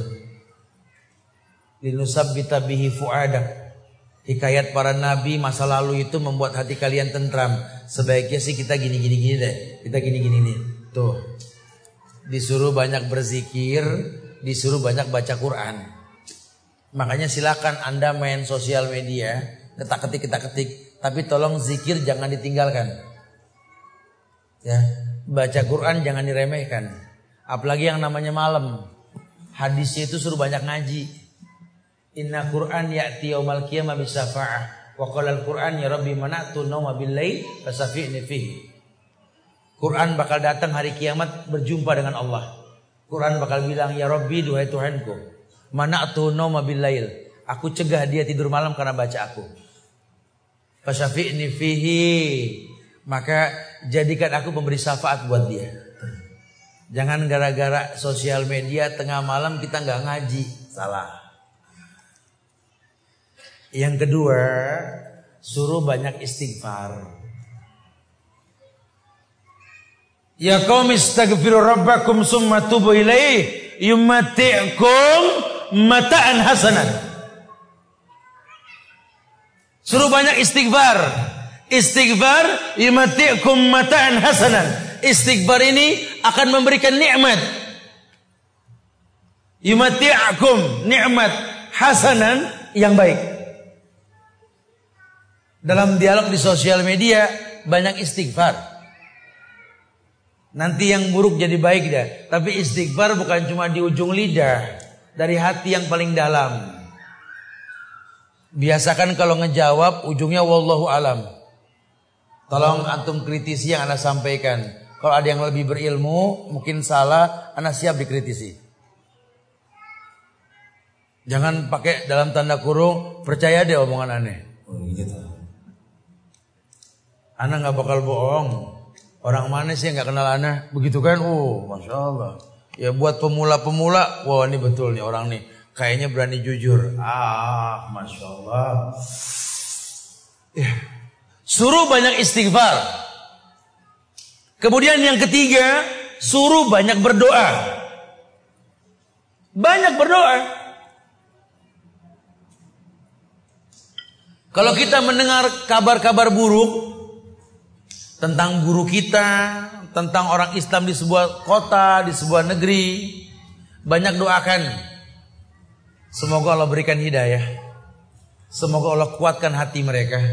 Semoga Allah mantapkan iman mereka. Gampang mendoakan. Ini kan tidak ngomongin aib guru, teman, tapi nggak ada doa. Selesai perdebatan paling baik tuh. Semoga Allah berikan hidayah buat kita semua. Salamullah alaina atau salamullah alaikum. Assalamu alaikum. Salamullah alaina. Ghafarallahu lana. Semoga Allah ampunkan kami. Atau Rabbana taqabbal minna. Ya Allah, terimalah yang kami perbuat. Harusnya begitu. Hiasi dengan doa. Yang ketiga, doa Doa wal ibadah, ad-doa wal ibadah. Doa itu ibadah. Jangan cuma dengar kabar, tajassus, tahassus. Akhirnya antum berbuat dosa setelah tahu puas membongkar aib saudaranya. Man satara mu'minan satarullah yaumal qiyamah. Orang yang menutup aib orang beriman, Allah tutup aibnya di akhirat nanti. Bukan malah menebar aib di sosial media. Yang keempat, suruh banyak bersolawat. Suruh banyak bersolawat sudah. Apalagi kita orang Islam banyak solawat yang mana Ustaz yang diajarkan sama Rasul. Allahumma salli ala Muhammad sallallahu alaihi wasallam. Allahumma salli wa sallim wa barik alaih. Atau solawat dalam tahiyat. Allahumma salli ala Muhammad wa ala ali Muhammad. Kama sallaita ala Ibrahim dan seterusnya. Paling tidak orang yang bersolawat, orang yang betul-betul mulia. Sekali kau bersolawat, Allah bersolawat 10 kali buat kamu. Atau menjadi penyebab Allah dan malaikat bersolawat kepada kamu. Bagaimana caranya? Bangun sahur. Inna Allah wa malaikatahu yusalluna alal mutasahirin. Allah dan para malaikat bersolawat kepada orang yang sahur. Suruh banyak ber, melakukan sahur. Allah bersolawat sama orang yang sahur. Dimulai dari Yaumul Bid tiga hari dah tiap bulan. Kurang Senin Kemis. Ya, seminggu dua kali, sebulan delapan kali lebih tinggi. Cuman ndak ada namanya puasa sunnah wisol ndak ada. Saya puasa Senin Kemis dan Kemis besok Jumat ini Yaumul Bid Jumat, Sabtu, Ahad, Senin puasa lagi, Senin Kemis, makruh. Tidak ada puasa wisol, yang ada Daud, sehari puasa sehari itu paling berat sudah. Kita saking semangatnya, Ana sih puasa terus Dad. Temen nanya, antum puasa mulu, puasa apa? Wallahu alam yang penting puasa gitu ya. Itu semangat yang tidak ada junturungan itu ya. Kalau iman lagi naik memang kuat, kalau iman lagi turun antum yang capek sendiri. Iman lagi turun aja. Ya Allah udah ahad besok Senin lagi ya Allah. Aduh gitu tuh. Kalau lagi turun drop iman bayangin Senin. Oh Masya Allah. Akhirnya ahad Monday gitu loh. Padahal Senin awal catatan loh. Betul ya? Cuma iman turun. Enggak boleh orang berat dengan yang sunnah tuh enggak boleh. Kata Ibnu Qayyim, tanda-tanda orang yang hatinya sehat, orang tersebut sibuk merapikan yang wajib dan menghiasi dengan yang sunnah. Bukan yang sunnah memberatkan yang wajib, bukan. Jadi antum sanggup hiasi, belum sanggup baguskan yang wajib, jangan yang sunnah dulu. Jangan memberatkan. Agama ini mudah sekali. Penyempurnaan ilmu. Antum sampaikan saja ke orang, nanti ilmu yang menyempurnakan dia. Bukan antum yang menyempurnakan dia. Inna kala tahdiman ahbabta walakin Allah yahdi. Kamu tidak ada kemampuan memberikan hidayah. Hidayah urusan Allah. Suruh banyak bersolawat sudah. Dan yang terakhir nasihat ulama yang kelima. Ya ini banyak qiyamul lail. Maksudnya apa? Lebih baik obrolannya itu habis tahajud. Jangan sampai kita begadang malam cuma buat ngobrol di sosial media. Gara-gara ngobrol di sosial media bicara agama subuh terlambat. Jangan. Banyak Oh subhanallah Ustaz. Anak sampai kesiangan Ustaz. Kenapa? Berdebat semalam Ustaz. Sama mantan pendeta. Oh ya. Antum jadi pendeta kalau begitu Ustaz. Berdebat sama orang yang baru tobat. Gara-gara berdebat antum subuh barang duha. Antum yang rugi. Jangan lihat momennya. Makanya dakwah itu yang paling asik memang interaktif. Ada orang yang asik diajak ngobrol pagi, ada yang siang, ada yang sore, ada yang pada maghrib malam. Karakter orang beda-beda. Nah kalau antum belum lihat muka dia, belum tahu dia ngomong di pukul rata, ya mudorotnya lebih besar ketimbang manfaatnya. Rugi. Akhirnya apa? Debat kusir. Debat kusir. Tidak ada ujungnya. Padahal agama pasti berujung. Rujukannya apa? Kalau Allah wa qala Rasul wa qala sahabat. Rujukan itu kalau sudah dikatakan Allah berfirman, Nabi bersabda, sahabat mengatakan, wa makana lil mu'minin wala mu'minatin idza qadallah wa rasulahu amran ayakunallahumul khiyaratu min amrihim. Tidak ada pilihan lain buat orang beriman kalau Allah dan Rasulnya telah menentukan hukum kecuali mengatakan sami'na wa Hati-hati. ada cara berdebat dalam sosial media. Adab perlu dikedepankan, ahlak penting.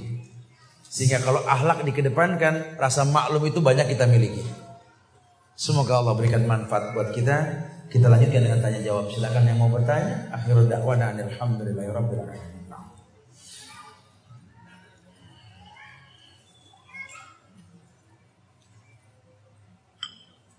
Ustaz, bagaimana bagaimana kaitannya antara kemudahan yang kita alami dengan kecanggihan IT dan medsos? Dengan kaidah mengenai besarnya ganjaran sebanding dengan beratnya usaha.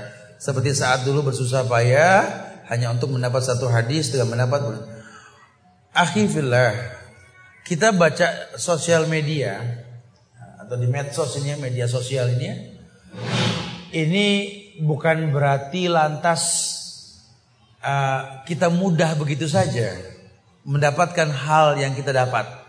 Tetap ada klarifikasi.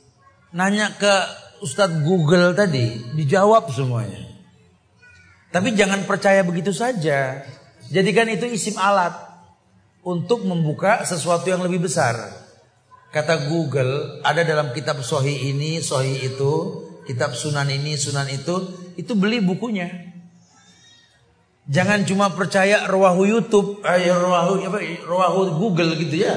Jangan. Jangan, coba klarifikasi.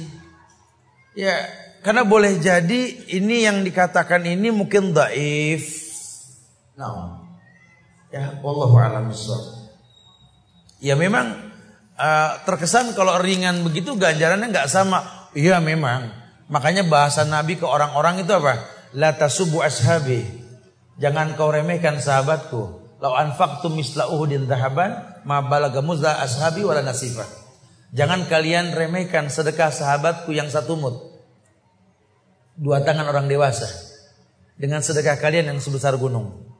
Sedekah kalian yang sebesar gunung ini tidak akan pernah mengalahkan besarnya pahala sedekah sahabatku yang cuma satu mut. Tidak setengahnya kata Rasul. Kenapa? Karena mereka bersedekah berat. Mereka orang miskin. Kita sekarang bersedekah tidak miskin enteng. Jangan kita pikir, anak sih udah kayak Abu Bakar tat. Oh, masya Allah. Ya, insya Allah. Insya Allah, cuman kayaknya Allah alam juga. Karena Abu Bakar memang orang yang betul-betul nggak takut sama miskin. Kalau sedekah sama Rasul semuanya dikasih sahabat yang kaya ya Abu Bakar salah satunya. Tapi sahabat yang unik ya Abu Bakar. Kenapa? Meninggal nggak punya waris Abu Bakar itu. Bisa gak kita kayak Abu Bakar tuh? Ustadz, apa hukumnya pasang foto di sosmed? Aduh, makruh, mengarah kepada haram. Ya saya nggak berani mengatakan haram karena niatnya apa, tapi makruh secara umum. Hati-hati ain. Gara-gara masang foto, gara-gara masang foto, nanti malah kita berbuat dosa atau kita menimbulkan dosa ke orang lain. Ya. Ya foto kalau memang buat sebuah apa namanya alasan kenapa perlu ada uh, apa bukti boleh-boleh saja. Tapi kalau foto pengen ria ya jadi sirik kecil. Terus nggak diganti-ganti udah sebulan tat. Ya udah riaknya kali sebulan gitu loh. Antum telah menginvestasi dosa. ya sebaiknya nggak usah lah. Bagaimana hukumnya buruk sangkanya seorang intelijen? Beda. Kalau kita yang bukan intelijen harus berhusnuzon.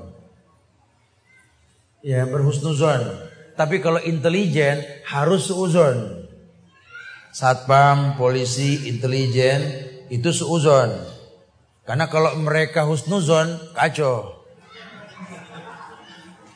Pas satpam Tadi ada dua orang masuk no bawa karung, kayaknya mau nyolong. Usnuzon. Yang urusannya kacau dah. Pak polisi begitu juga nyetop orang gitu ya, cuma ngeliat muka. kamu baik jalan gitu nggak bisa dong. Ya harus uzon, itu mah beda. Antum bukan intelijen gitu loh. Karena ini kalau buat ustadz sering ngebahas nih kita ngomong begini nih. Ini macem-macem muka orang nih. Ada yang memang butuh ilmu dia catat, ada yang butuh masukan yang baru, ada juga yang diam aja. Temennya nanya, kenapa? Anda lagi lihat nih ustadz salahnya di mana nih? Ada juga begitu. Intelijen tuh. Anda yang rugi nanti kalau gitu ya. Padahal di sini tidak ada orang yang lebih ilmunya. Semua belajar, betul? Selama yang disampaikan itu baik. Kayak saya sendiri, tiap bulan saya duduk di majelis saya di Madinah. Tiap bulan. Ketika saya bicara, saya dengarkan. Ini hati saya ngomong, ini di kitab ini halaman sekian, ini kitab apa yang dia sampaikan? Cuma bukan masalah yang disampaikannya saja, teknik dia menyampaikan. Orang seusia beliau menyampaikan tauhid, lihat ekspresi wajahnya lihat. Ya Betul-betul semangat. Kita yang muda ini melihat buku yang berjalan. Ulama-ulama tua yang menyampaikan kitab yang dibacakan muridnya, lihat. Betul-betul taman-taman orang-orang yang jatuh cinta kepada Allah di Nabawi itu. Kelihatan kalau ilmu itu disedekahkan bukan jadi sabab kita nyari uang, lihat. Itu di Madinah tuh tiap pagi ditulis halakoh halakoh syekh. Yang mau tahfidz, yang mau murojaah gratis. Disebar ilmu. Lihat tradisi buka puasa Senin Kemis, lihat. Tradisi puasa Daud, lihat. Berlomba-lomba orang kasih makan orang yang puasa. Bukan hanya bulan Ramadan. Boleh kita pakai. Subhanallah. Lihat cara seh berhadapan dengan masyarakat yang di dalam majelisnya itu orang itu bajunya macam-macam. Bajunya macam-macam. Masya Allah. Nggak harus resmi. Karena banyak juga ustadz-ustadz sekarang kadang-kadang lihat anak muda pakai celana blue jean, pakai jaket, udah dibenci aja. Kalau anda ndak bisa pakai blue jeans sama jaket, jangan salahin orang gitu loh. Mana kita tahu mungkin dia pulang kantor betul. Emang stylenya begitu, nggak apa-apa. Lawang dia orang yang sedang belajar, yang penting kan syari. Dia tidak isban, dia tidak hulu dan lain sebagainya. Bas, karena para saya juga nggak mengkritisi. Macam ragam dari suku mana pun, mazhab mana pun lihat. Tidak ada orang komplain sama Syekh. Kan perlu kita pelajari caranya kalau sudah begitu.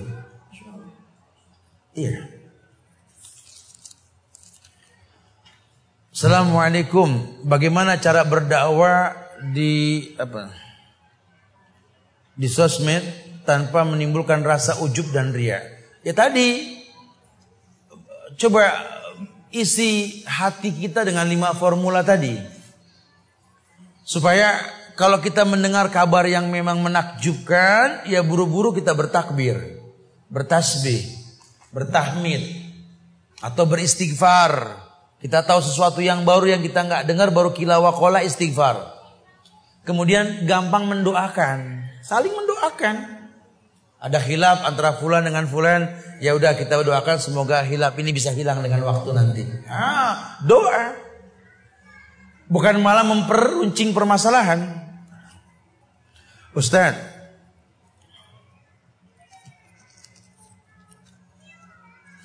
Bagaimana cara menyikapi broadcast-broadcast mengenai penderitaan saudara-saudara kita yang ada di Palestina, Suriah dan kekejaman Syiah? Sedangkan sebagian penerima berita prasangka-prasangka jadi bermunculan dan adakah dan adakah ada dalam bersosialisasi media? Nah, begini-begini.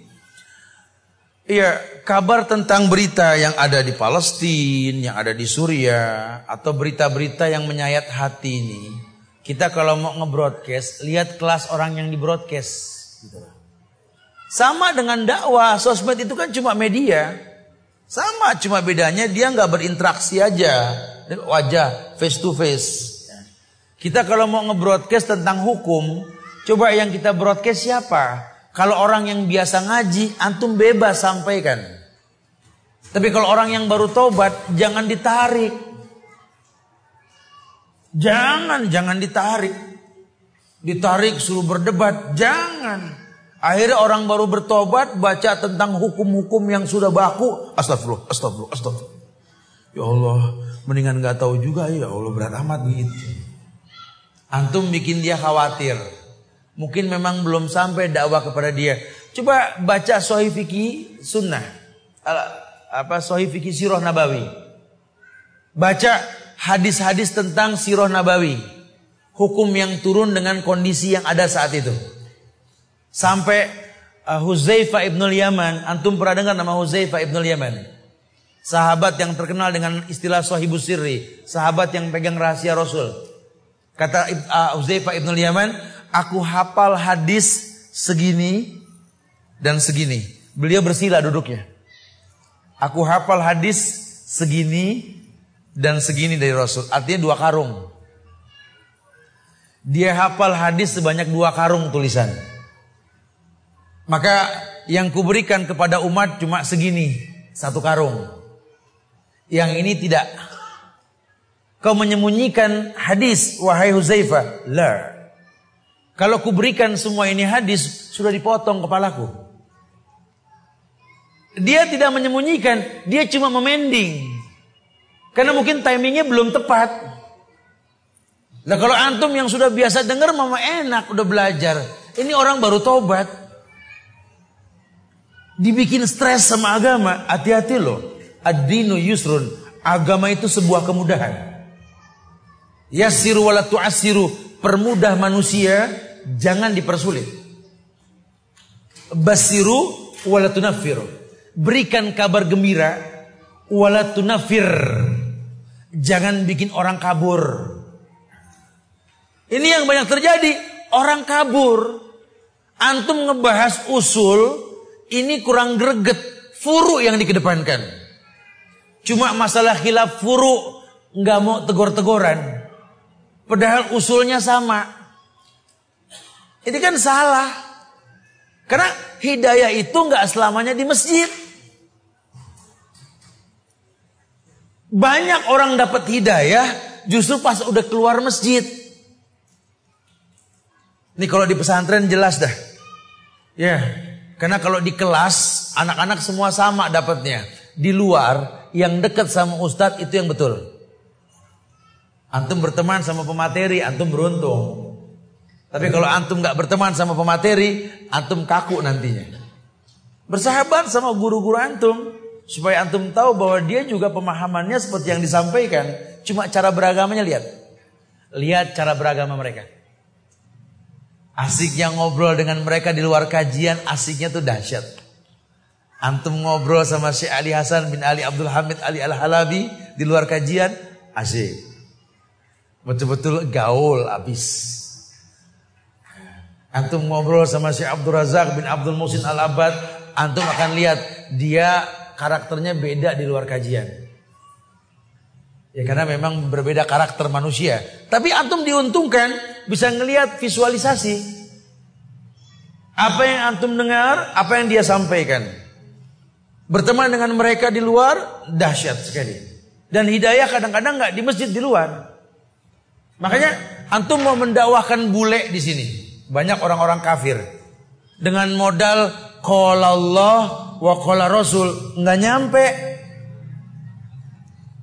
bule habis main surfing gitu antum langsung assalamualaikum dia bingung jawab apa uh, Zar kalau Allah wa qala Rasul ya nggak bisa dong karena dia ndak kenal Allah ndak kenal Rasul betul terus gimana Ustaz bikin dia masuk Islam Ustaz berteman Visualisasi antum yang antum dapatkan dari kajian. Orang yang beragama itu orang yang baik, orang yang lembut. Orang yang ada simah di wajahnya. Kan sahabat sudah bilang, dulu orang kafir, Yahudi, Nasrani, bisa masuk Islam cuma ngelihat muka kami. Ukurannya itu. Bisa gak nih orang kafir ngelihat muka kita masuk Islam? Ya bagaimana Ustaz? Ya ilmu. Ilmu itu membuat wajah ini bercahaya. Lawang ini gara-gara kajian jadi nyureng gitu Antum seruan dulu waktu belum ngaji. Uh, kalau ketemu sampai, hey men, eh, gimana kabar sehat? Masya Allah. Anak kangen, anda juga kangen nih, masya Allah. Waktu belum ngaji tuh, pas sudah ngaji, antum ini itu. Talim di mana antum? Uh. Di sana. Antum laisa minna. Uh. Jadi kaku, kita kaku gitu ya. Kita nggak bisa asik sama orang. Coba biasakan sekarang hidup yang asik. Karena para sahabat orang yang asik.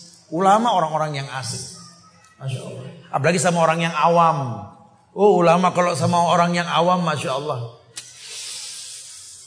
Lihat cara Rasul menyikapi orang yang kencing di majelis Rasul. Lah kalau kita lagi begini ada yang kencing di pojokan, antum serampang bisa betul. Oh, anak enggak ngerti kalau begini. Anak tempong dari belakang. Iya, tapi zaman Rasul apa? Ambilkan air di ember kata Rasul. Nabi siram tuh kencingnya tuh. Yang kencing bingung, tumben ada yang nyiremin. Kenapa disiram? Ini masjid. Oh, tuh cara Rasul tuh. Ini kan kadang-kadang kan waduh, langsung antum ini Laqad kafartum ya akhi. Oh. Antum telah berbuat kufur. Lawang dia belum paham, dia tidak tahu. Ya, mau bilang apa? Ini kan perlu perlu bahasan bahasan yang mungkin bertahap lah, ya. Saya melaksanakan puasa Daud sudah enam bulan saat Alhamdulillah. Yang jadi pertanyaan saya, apakah saya bisa membatalkan puasa saya kalau ada yang mengundang saya makan? Berarti masih berat sama masalah makan nih ya. Karena saya sering ke pengajian dan saya disuruh makan Ustaz. Bungkus. Masya Allah. Susah ah. Antum kangen makan siang ya. Ya. Ya, ya sayang aja, ya. Tapi ya nggak apa-apa. Antum kalau memang lebih wajib makan buat kemaslahatan silaturahmi, fadl. Tapi biasanya sih itu godaan. Ya, insya Allah antum tahan lah sedikit ya. Berapa jam lagi sih, gitu kan? Gak lama lah ya, insya Allah. Ya, tapi anak respect sama puasa antum nih, masya Allah ya. Mudah-mudahan antum tergolong orang-orang yang bisa meneladani akhlak generasi terbaik ya. Ini buku buat antum karena puasa Daud nih insya Allah ya. Jadi jangan dibatalin baca buku aja nih, kasih bukunya. Ustadz, bagaimana dengan dakwah lewat sosial media yang saat ini sedang ngetren? Lalu ada beberapa kelompok yang menganggap media itu bid'ah. Mereka tidak menonton TV, radio dan lain-lain. Biarin aja kita liatin gitu ini orang-orang kaku yang nyeselnya lima tahun lagi ntar gitu loh. Nah, suuzon aja Ustadz yang masuk TV. Saya jadi ingat dulu pertama kali dakwah di bank-bank konvensional. Habis saya ditahjir sama murid sendiri. Ustadz makan riba katanya astagfirullah. Aduh, antum gimana mau berkah ilmunya kalau suuzon sama guru sendiri gitu loh. Ustadz makan riba. Masya Allah. Ya tapi kita nggak terpancing jalan terus aja lah. Gitu ya. Dan Alhamdulillah sekarang excellent-excellent bank konvensional sekarang jadi petinggi bank-bank syariah. Alhamdulillah. Ya jalan terus. Kolu salaman. Kalau dia belum kenal bahwa dakwah ini bukan mencari uang. Di debat ya sudah kolu salaman. Tidak ada orang mencari rezeki dari dakwah. Tidak ada. Ini wajib buat yang mampu. Dan antum jangan jadikan target hidup pengen jadi pendakwa punya penghasilan, bertobatlah. Rasul saja kerja ngangon kambing, dagang. Masa ustadz nggak kerja? Kelewatan. Ia harus kerja. Apalagi kalau dia berilmu, karakter rizki yang dikonsumsi oleh anak tergantung peluh yang dikeluarkan. Kalau cuma ngandelin begini-begini dapat duit terus ngasih anak, nggak ada yang jadi tuh anak. Ya harus banting tulang. Jangankan kita, lawang keluarga Daud saja suruh kerja sama Allah. I'malu ala Daud syukra. Betul. Hei keluarga Daud yang kaya kerja kata Allah. Supaya kalian bisa bersyukur. Sehingga syukurmu dalam bentuk kerjamu ini membuat kebaikan pada rumah tanggamu gitu loh. Nah kalau kamu tidak kerja cuma menjual agama, Allahu Akbar. Samanan qalila. Ini harga yang murah buat agama. Haram hukumnya. Makanya kreativitas dakwah itu perlu dikembangkan. Ini kajian jangan cuma di majelis. Kalau di luar majelis memang ada media, dakwahi. Allah kok yang nyuruh, betul. Allah yang bilang. Biarin ada yang larang, Ustadz yang larang. Allah yang nyuruh. Afala yang zuruna ilal ibili kaifa khuliqat. Allah yang nyuruh. Tidakkah kalian melihat bagaimana onta diciptakan? Lihat. Di mana kita ngelihat onta? Di masjid. Enggak ada. Di Arab. Mahal Ustaz. Ya Bogor Taman Safari dah judulnya suruh keluar, betul? Suruh lihat onta diciptakan. Kenapa mesti onta? Allahu Akbar. Yuk mudah-mudahan Allah gampangkan kita umroh bareng. Insya Allah amin. Yeah. Entah bagaimana caranya lah. Nggak bareng ketemu dah di sono. Saya pengen jelasin. Tuh lihat onta di gurun Sahara tuh lihat. Antum yang ngambil mikot di Zulhulaifa. Naik mobil 6 jam ke Mekah. Labaik Allahumma labaik. Labaik.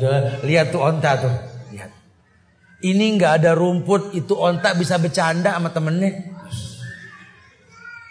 Lebih penasaran lagi, datengin dah tuh, datengin dah tuh kandang ontak. Apa sih kelebihan ontak? Ontak diambil susunya sama kambing sapi juga diambil. Kambing sapi kalau beranak susu kapan aja bisa diperah. Ontak tidak. Uniknya apa? Kalau pengen merah susu ontak, anaknya suruh lewat dulu. Keluar itu susu. Dahsyat. Ontak jantan memiliki 10 betina. Memimpin dia jalan. Kalau satu betina tidak ada, dia berhentikan jalannya, dia cari dulu. Sampai ketemu baru jalan lagi. Ontak aja perhatian. Betul. Antum satu jarang ketemu.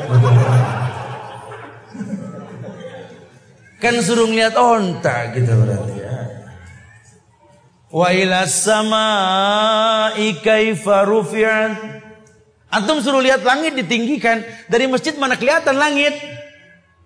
Di mana langit kelihatan? Di luar. Wa ilal jibali kaifa nusibat. Lihat gunung dikokohkan. Di mana ngelihat gunung? Ya di luar. Wa ilal ardi kaifa sutihat. Fadakir, mikir gitu kan. Makanya saya heran kalau ada yang larang kajian di luar tuh heran saya. Ini kalau bukan karena mungkin hawa nafsu yang melarang gitu loh. Sudah lakukan. Ini tempat pariwisata, jangan pasrah di manage sama orang kafir. Bali buat piknik syari. Siapkan tempat-tempat syari supaya orang tahu betapa indahnya Indonesia. Boleh. Nanti yang manage orang kafir kalau begitu. Betul. Akhirnya saya suka nangis kadang-kadang. Anak-anak kita kita besarkan di pesantren. Selama enam bulan, setahun pertama. Mereka tahu hukum tidak boleh makan sambil diri, minum sambil diri. Senang loh ngeliat anak-anak makan minum sambil duduk. Giliran liburan orang tuanya ajak dia ke tempat-tempat hiburan yang gak syar'i. Akhirnya makan minum bukan sambil diri, sambil lari. Tempat ibadah yang kecil, permainan yang besar. Akhirnya gara-gara liburan, sholat berantakan. Antum nggak miris ngelihat kayak begini? Ustadz bilang, tazawadul wadudul walud, fa ini mukasirum bikumul umam yaumal qiyamah. Menikahlah kalian dengan perempuan yang penuh cinta dan banyak anak. Aku akan berbangga dengan banyaknya umat. Umat yang mana? Setelah punya anak mau dibawa ke mana? Kita kan berhak liburan juga, betul? Istri kita terzolimi loh, ditaruh di rumah aja. Berteman dengan anak aja. Bersahabat sama hordeng, nako, jendela. Ya bawa dia keluar. Ajak dia jalan. Masya Allah. Jadi ulil albab, kenapa pasrah tempat pariwisata kok dikumpul sama orang-orang kafir gitu loh. Ayo gerakan-gerakan kita bisa, bukan tidak bisa. Ya. Betul-betul banyak kemuliaan lah yang ditawarkan. insya Allah manfaat yang disampaikan. Minta maaf kalau ada kekurangan, kesempurnaan hanya milik Allah. Dan saya minta maaf mungkin selama di Bali ada khilaf dalam ucapan, tidak baik dalam penyampaian, kesempurnaan hanya milik Allah. Dan mudah-mudahan Allah mudahkan kita bisa berjumpa lagi di waktu yang lain, belajar bersama dan ditambahkan ilmu kita insya Allah. Wallahu a'lam. Kita tutup kafaratul majlis. Subhanallahumma bihamdika asyhadu la ilaha illa anta astaghfiruka wa atubu.